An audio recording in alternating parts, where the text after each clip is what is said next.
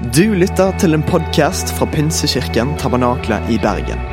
Vi tror at kirken skal være en plass hvor mennesker trives gjennom alle livets faser. En kirke for hele livet. Ønsker du å bli bedre kjent med oss eller holde deg oppdatert? Besøk vår Facebook-side eller ptb.no. Her er ukens tale. Når eh, han hadde vært en tur og bedt til sin far, og de merka at når Jesus ba, så var det annerledes. Eh, hva som var annerledes, er ikke godt å si, men jeg tror at det var noe i den personlige relasjonen med pappa som eh, var så spesiell når Jesus ba. Eh, og så spurte disiplene om ikke han kunne lære dem å be. Og så har vi vært igjennom, som Tobin sier, i løpet av denne tida, alt fra hvem er det vi ber til? Når dere ber, skal dere si 'pappa' eller 'far', vår far, som er i himmelen. La ditt navn holdes hellig. La ditt rike komme. La din vilje skje, som i himmelen, så på jorden. Gi oss i dag vårt daglige brød, så vi snakker om behovene, og forlat oss vår skyld, slik som vi å forlate våre skyldere var forrige søndag. Og I dag skal vi eh, inn på et tema som jeg syns er vanskelig. Eh, som eh, handler om en del av bønnen som også Jesus sa. Og der kommer denne setningen her. Får den på skjermen, tror jeg. La oss ikke komme i fristelse, men frels oss fra det onde. La oss ikke komme i fristelse.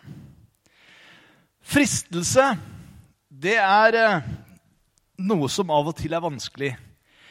Og det er ikke lett å unngå å bli frista. Det var, vel, eh, eh, det var vel Luther som sa det en gang, at du kan ikke hindre en fugl å fly over huet ditt, men du kan hindre at han bygger rede i håret ditt. Skal jeg ta den en gang til? Eller fikk den med deg første gang? Ja. Du kan ikke hindre en fugl i å fly over hodet ditt, men du kan hindre at han bygger rede i håret ditt. Underforstått, du kan ikke hindre at fristelsene kommer i livet ditt. Og La meg si det med en gang at eh, det å bli frista er ikke synd. Det er mange av og til som tenker at oi, nå blir jeg frista igjen.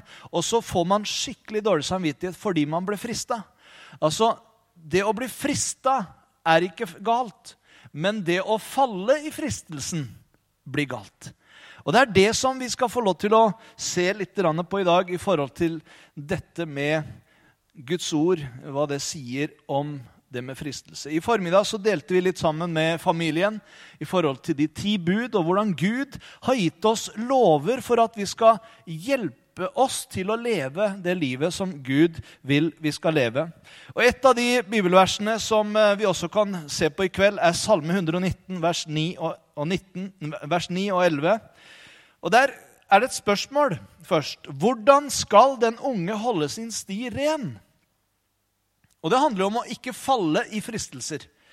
Og så kommer svaret ved å holde seg etter ditt ord. Senere i eh, kapittelet så sier David at i mitt hjerte har jeg gjemt ditt ord for at jeg ikke skal synde mot deg. Det å fylle seg med Guds ord, det å fylle seg med det som er godt, og det som har med Gud å gjøre, det hjelper oss den dagen fristelsen kommer. Men hvis ikke du vet hva Bibelen sier om forskjellige ting, hvis ikke du er sterk i forhold til det at du har vært sammen med Jesus og forstår hva som er hans hjerte, hva som er hans tanke for ditt liv, så er det lettere å falle i fristelse, for vi vet ikke hva som er rett og galt. Og Derfor så sier Bibelen det at vi kan holde vår sti ren. Det handler om at vi kan holde livet vårt rent ved å forstå Guds ord, ved å holde oss etter Guds ord. 2. Timoteus 2 og vers 22 sier det slik Flykt bort fra fristelsene og begjæret som særlig unge blir utsatt for. Jeg leser fra New Living Bible. Strev i stedet etter å gjøre Guds vilje og etter å få en sterkere tro. Flykt bort fra fristelsene. Jeg skal komme litt tilbake til det. Og strev etter å gjøre Guds vilje og etter å få en sterkere tro. Det å fylle seg med Guds ord, troen, sier Bibelen, det kommer av det budskapet du hører, og budskapet kommer av Kristi ord. Så det å fylle seg med Guds ord, det er også å styrke troen din når holdt på å si, uværet kommer, når fristelsene blir store, når presset blir stort på ditt liv, så vil du stå mye sterkere i din tro når du har fylt deg med Guds ord. Hold dere borte fra hor, står det i 1. Korinterbrev 6, 18. All synd som et menneske ellers gjør, er utenfor kroppen, men den som driver hor, synder mot sin egen kropp. På engelsk oversettelsen står, står det der istedenfor 'hold dere borte fra', 'flee'. står det. Altså flykt. Flykt fra hor. Eh, og Jeg har lyst til å ta et eksempel for dere i dag. I eh, første Mosebok 39. Og det handler om eh, Josef som et eksempel på nettopp dette. Josef han eh, var en drømmer, og han ble kalt for drømmeren Josef. Han var yngste sønnen, nest yngste sønn til Jakob. Den yngste var meg. Det var, jeg holdt på å si meg. Det var ikke meg, men han heter Benjamin.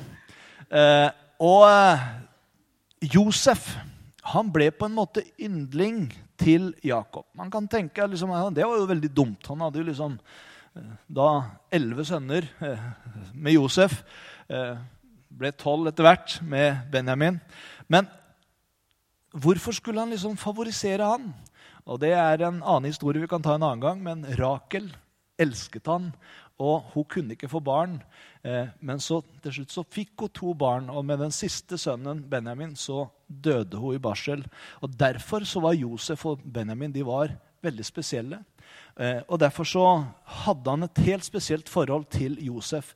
Noe som gjorde at brødrene hans de ble misunnelige på ham. Eh, og de likte ikke at eh, han liksom skulle føle at han var noe mer.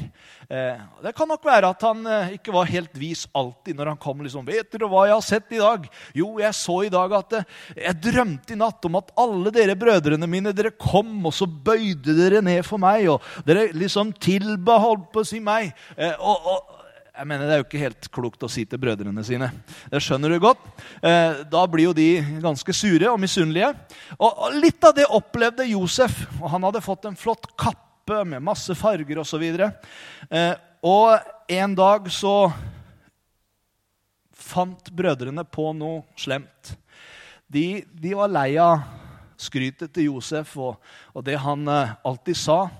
Og Du skal legge merke til at det Josef sa det var ikke skryt, det ser du seinere i livet og historien hans.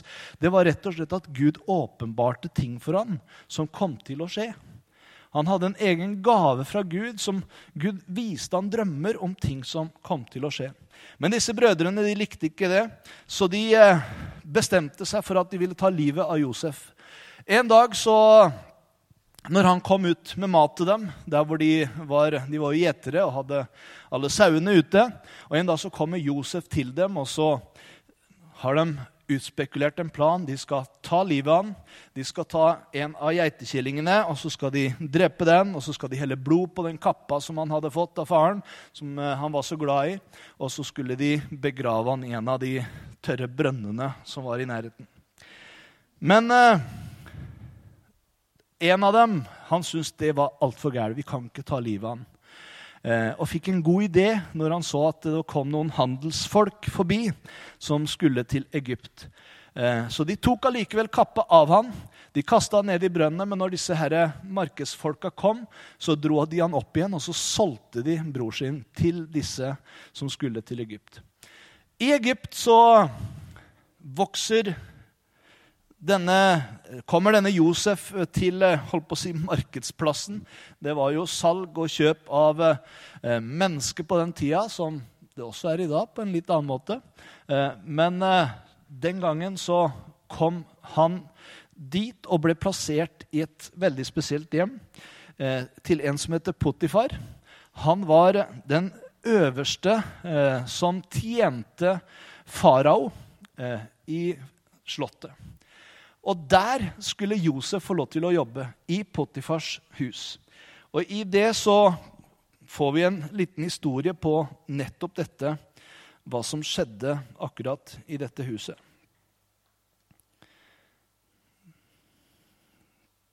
Hvis jeg bare hadde fått opp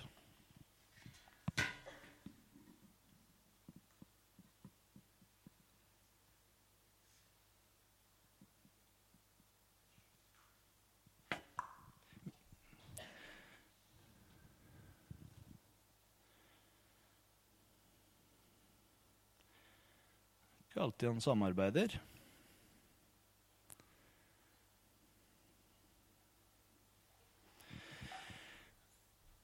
I første Mosebok 39, fra vers 1, så kan vi lese.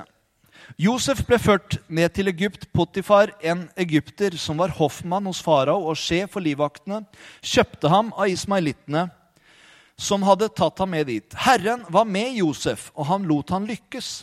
Han ble boende i huset til sin egyptiske herre, og herren hans så at Herren var med ham og lot han lykkes i alt han gjorde.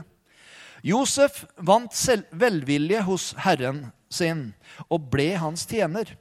Potifar satte han til å styre sitt hus og lot ham ta hånd om alt han eide. Og fra den tid egypteren satte ham over sitt hus og alt han eide, velsignet Herren hans hus på grunn av Josef. Herrens velsignelse hvilte over alt han eide, både i huset og på markene. Da lot Josef, han lot Josef ta hånd om alt han eide, og bekymret seg ikke for noe, bortsett fra maten han spiste. Josef var velskapt og vakker. Omtrent sånn som meg, tenker jeg. Det var bare tull, da.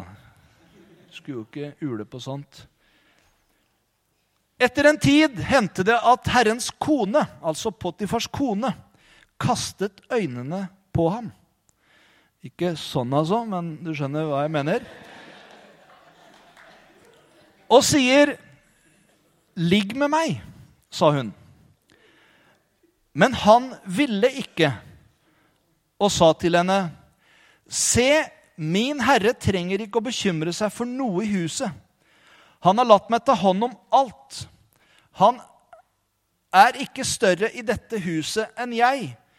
Han har ikke nektet meg noe unntatt deg, for du er hans kone.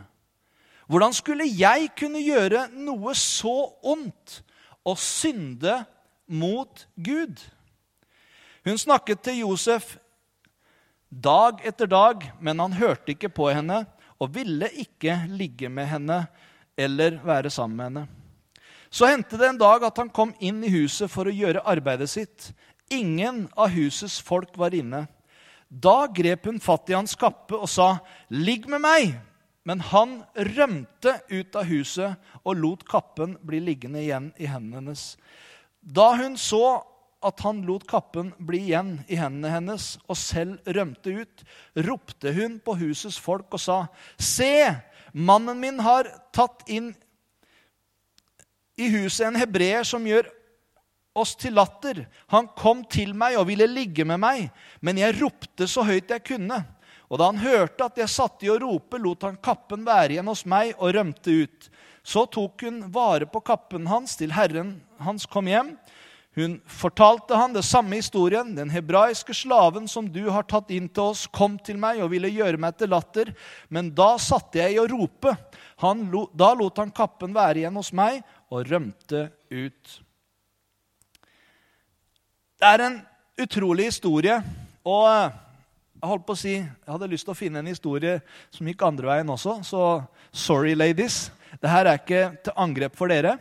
Men historien er i hvert fall riktig i forhold til dette som handler med fristelse å gjøre. Og kanskje en av de tingene som eh, vi fristes aller mest i i den alderen som vi representerer her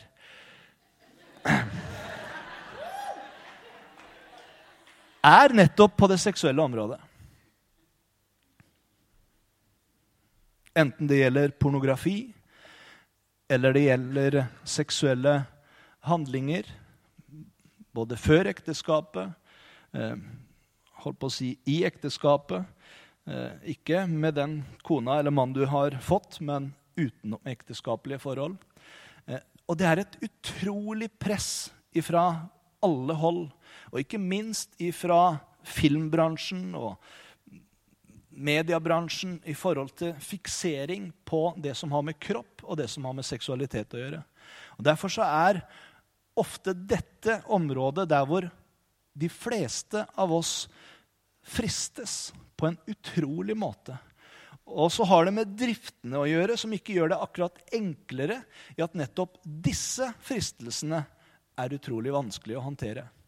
Og Derfor er Bibelen også klar på mange av disse tingene her ser du en eh, mann som hadde bestemt seg for at han ville leve rent innenfor Gud. Og vi, la meg si det med en gang, vi har mange eksempler i Bibelen på mennesker som også hadde bestemt seg for det samme, men som falt i synd. David, Kong David er en av dem som falt i synd og etterpå fikk lov til å oppleve gjenopprettelse fra Gud når han ber Gud om tilgivelse. Men han erkjente sin synd. Han erkjente at han hadde falt. Og så fikk det konsekvenser, men han fikk tilgivelse hos Gud og fikk gjenopprettelse. Men legg merke til det. Vi leste et vers om å fly, eller flykte, fra ungdommens lyster. Og jeg tror det at det, det hender i forhold til dette med fristelser at vi alltid, ikke alltid kan takle fristelsene. Vi kan ikke snakke oss ut av dem, eller vi tenker at 'jeg er sterk nok til å håndtere dette'. Av og til så er det situasjoner i livet vårt hvor vi må gjøre som Josef her. Vi må rett og slett flykte fra fristelsene. For hadde han blitt der, så kan det være at han hadde blitt frista til å ha seksuelt samleie med henne. For hun var nok ikke noe stygg dame, denne Potifars hustru. Jeg mener, det var Potifars hustru. Så hun var nok flott på alle måter. Men noe av det Josef sier, har egentlig tatt meg veldig. Han sier ikke 'Hvordan skulle jeg gjøre den synd og synde mot Potifar?' Men han sier 'Hvordan skulle jeg gjøre denne synd og synde mot Gud?' Gud hadde gitt han verdiene som han levde etter. Gud hadde gitt han livet. Og han hadde lært opp igjennom i sin fars hus også hvordan leve et ordentlig liv. Og Derfor så hadde han også lært at integritet var noe av det som var utrolig sterkt. Historien til Josef er veldig spesiell. Fordi av og til så kan det være sånn at eh, når vi skal unngå fristelser, så kan vi havne i andre vanskelige situasjoner etterpå. Det gjorde Josef. Fordi eh, selvfølgelig så valgte Potifar å tro Potifars hustru mer enn eh, å stole på Josef. Eh, etter hvert så skjønte han at dette var feil. Men pga. denne hendelsen så kommer Josef i fengsel og får flere år i fengsel. Så kan du lure på liksom, Gud, hvor er du hen? Når jeg forsøker å gjøre det som er rett, når jeg forsøker å leve det livet som er riktig, og unngå fristelser, og så havner jeg bare liksom i enda mer trøbbel. Det kan av og til se sånn ut. Men så ser du hvordan Gud derifra, fra fengselet, så får han også være til hjelp for to andre som er der. Og når tiden er inne, så er han ikke bare Potifars slave, men han blir løfta opp av Gud til å bli den andre viktigste personen i hele Egypt, i faraos hus. Så får han ikke bare styre Potifars hus, men han får også lov til å ha ansvaret for hele Egypts rikdommer. Eh, og få lov til å være med og ordne for et land som kom til å oppleve sju år med sult og elendighet. Eh, og så ga Gud han visdom til at nå kommer vi til å få sju år hvor det kommer til å være masse korn, det kommer til å være stor velstand. Og det fikk han i drømme fra Gud. Derfor så skal vi spare i svære konteinere, i svære lagerhus, skal vi spare i disse sju årene. For at når de sju magre årene kommer, så skal vi kunne ha å leve av når disse tidene er vanskelige. Og så var Gud med Josef, står det, pga. at han hadde et hjerte som var nær til ham. Jeg tenker at Det er tre ting vi kan lære av Josefs liv. For det første så bestemte han seg for å stole på Gud. Og han flyktet fra fristelser. Og så bestemte han seg for å ikke synde mot Gud og mennesker. Hvis du av og til lurer på liksom, ja, men hvordan vet jeg at det er noe jeg ikke bør gjøre? Hvordan vet jeg om ting er feil eller ikke? Det er ikke alltid like lett å vite. Men jeg har lyst til å si én ting, eller to ting til deg som du kan ta som en test. Eh, la oss lese først 1. Korinterbrev 10, 13. Paulus skriver om mye av de tingene og en, relaterer til de tingene som skjedde i Gamle Testamentet, som f.eks. denne historien med Josef, når han skriver dette. Alt dette skjedde med Israels folk er sagt som advarende eksempler. De ble skrevet ned for å hjelpe oss som lever i denne tiden, da verden går mot slutten. Innbill deg ikke at nettopp du aldri kommer til å falle for en fristelse. Men pass på at du ikke synder. Tenk igjen på den fuglen og redet oppi håret. Fristelsene vil komme, men pass på at du ikke faller i synd. Eller faller for fristelsen. Til dere som allerede kjenner dere fristet, vil jeg si at dere ikke er utsatt for verre fristelser enn andre mennesker. Gud skal hjelpe dere slik at dere klarer å stå imot fristelsene. Det har Han lovet. Hver gang dere kjenner dere frista, vil Gud vise en utvei, slik at dere ikke behøver å falle. Jeg syns det er flotte vers. Gud kommer ikke til å tillate at du blir frista over evne. Men han vil styrke deg, han vil hjelpe deg, han vil gi deg visdom til å vite når dette er en fristelse som ønsker å få deg til å falle, eller hvordan du skal greie å stå gjennom fristelsen. Og En av de tingene som du kan gjøre når du, når du lurer på liksom, er det greit å, å, ta seg en skikkelig fyllekalas i kveld etter uh, møtet her med gjengen, liksom. Uh, du liksom lurer på det og er litt frista på det, eh, så kan du be over det. Be over det. Jeg tror du kommer til å vite ganske snart hva som er rett å gjøre. Og la det komme under Guds lys. Hva sier Gud om det? Hva sier Bibelen om det? Om å drikke seg full? Nei, det står visst noe om at vi ikke skal gjøre det. ok? Da er det kanskje ikke så lurt. Da er det kanskje en fristelse, men jeg vil ikke la meg gå inn under det. Når eh, du blir frista til å ligge med kjæresten før dere er gift, er det rett? Bibelen sier at det ikke er rett. Men du kommer til å bli frista på det. Vær sikker. Og Dette sier jeg også vel vitende om at mange kanskje allerede har falt i disse tingene. Jeg har lyst til å si at Gud er en Gud som er nådig og barmhjertig. Og om vi har falt i fristelser, så kan vi få lov til å komme til Han. Og så kan vi få lov til å be om tilgivelse. Og så kan vi begynne, vi kan omvende oss fra vår synd. Å omvende seg betyr at det jeg gjorde som var feil, det ønsker jeg ikke å gjøre lenger. Jeg omvender meg, og så begynner jeg å gjøre det som er rett. Jeg har fått eh, lov til å hjelpe mange som har falt i disse tingene før de skulle gifte seg. Og så har vi blitt enige om at ok, fra i dag av så vil vi holde oss rene inntil den dagen der hvor vi sier hverandre vårt ja.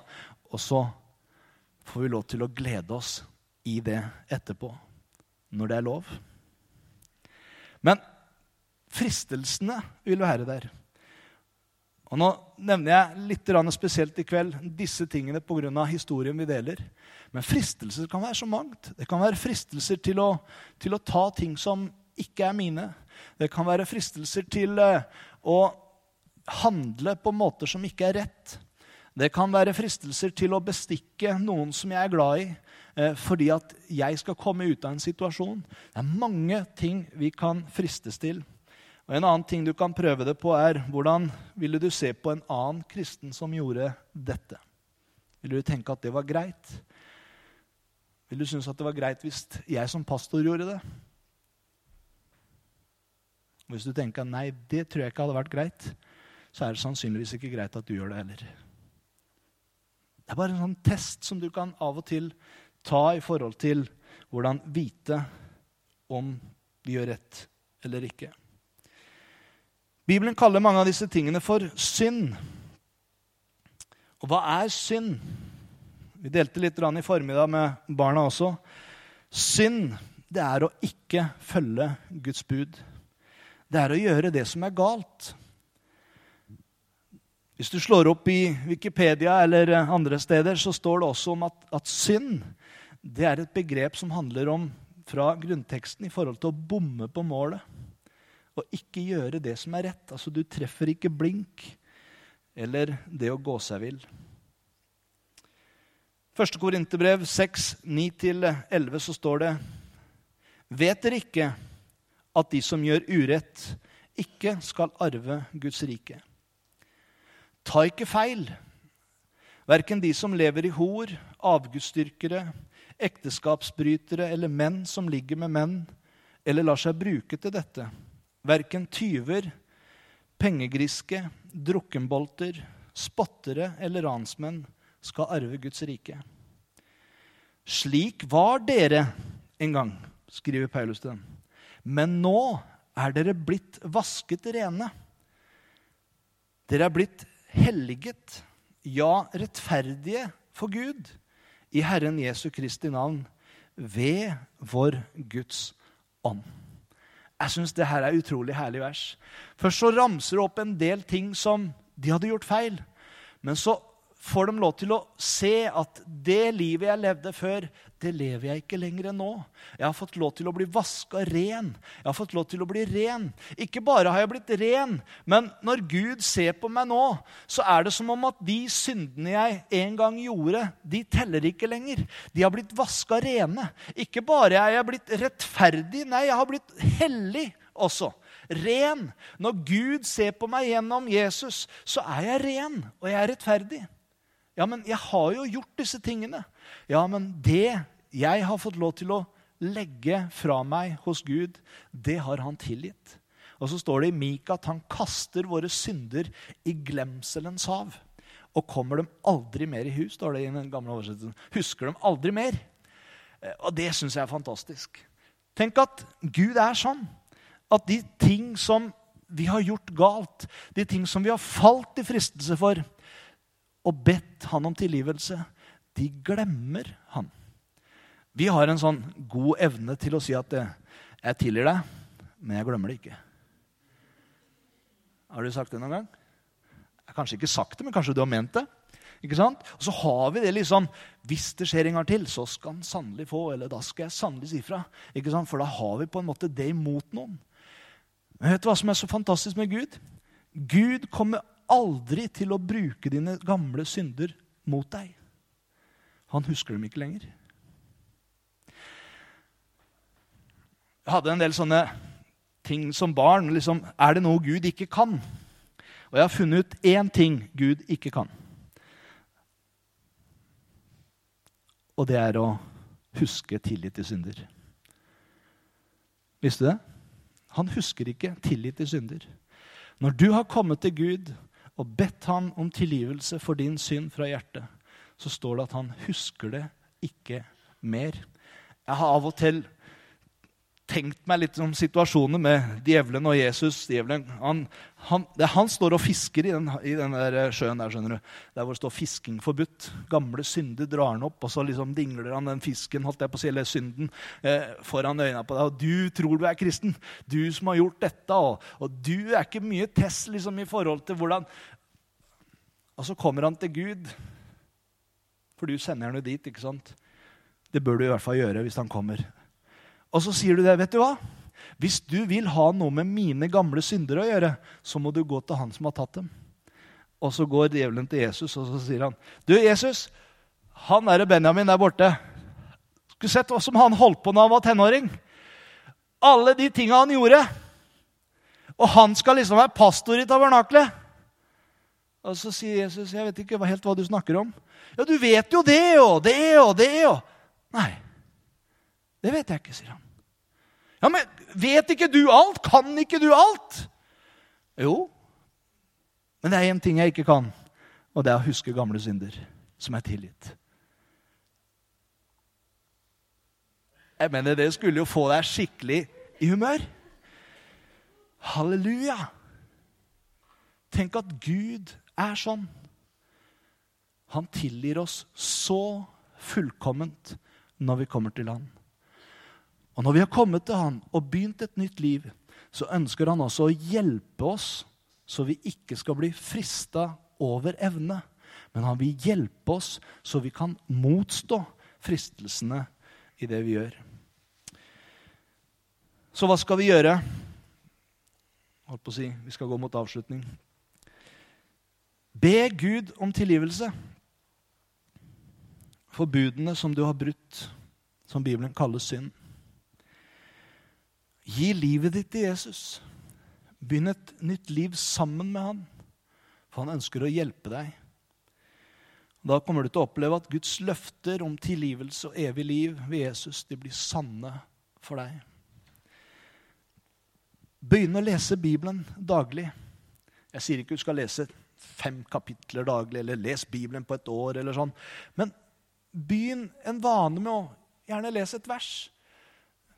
Har du ikke appen YouVersion, så kan du få eh, laste ned den etterpå. Da får du en sånn påminnelse hver dag om å lese et vers som er utrolig bra. Og så kan du grunne på det i løpet av dagen. Og så hjelper det deg til å forstå hva som er Guds vilje. Og det vil også styrke deg i forhold til å ikke falle i fristelse. Og det hjelper også å fortelle andre om at du har tatt imot Jesus, og at du lever for ham. Det blir en styrke for deg, og det blir lettere å kunne hjelpe deg framover. Jeremia 31, 33-34. Men dette er pakten jeg vil slutte med Israels hus i dager som kommer, sier Herren. Jeg legger min lov i deres sinn og skriver dem i deres hjerter. Det handler om Guds ord. Jeg skal være deres Gud, og de skal være mitt folk. Og så står det i vers 34.: For jeg vil tilgi skylden deres og ikke lenger huske synden. Wow. Hvis du skulle være her i lovsangen, kan komme opp. Hvis du eh, kjenner at eh, det er ting i livet ditt som kanskje har mislykkes for deg i forhold til det med fristelser. Kanskje du eh, føler at eh, i de punktene i livet så greide jeg ikke å utholde fristelsen. Så jeg falt i synd. Så er Gud nådig. Han er rettferdig. Så når vi ber Han om tilgivelse for våre synder, så vil Han tilgi oss. Og han vil rense oss, og han gir oss en ny start. Jeg håper at slutten på denne serien om Fader vår kan nettopp få lov til å bety for oss en ny start i vårt liv med Gud. Der hvor Gud får lov til å være nummer én.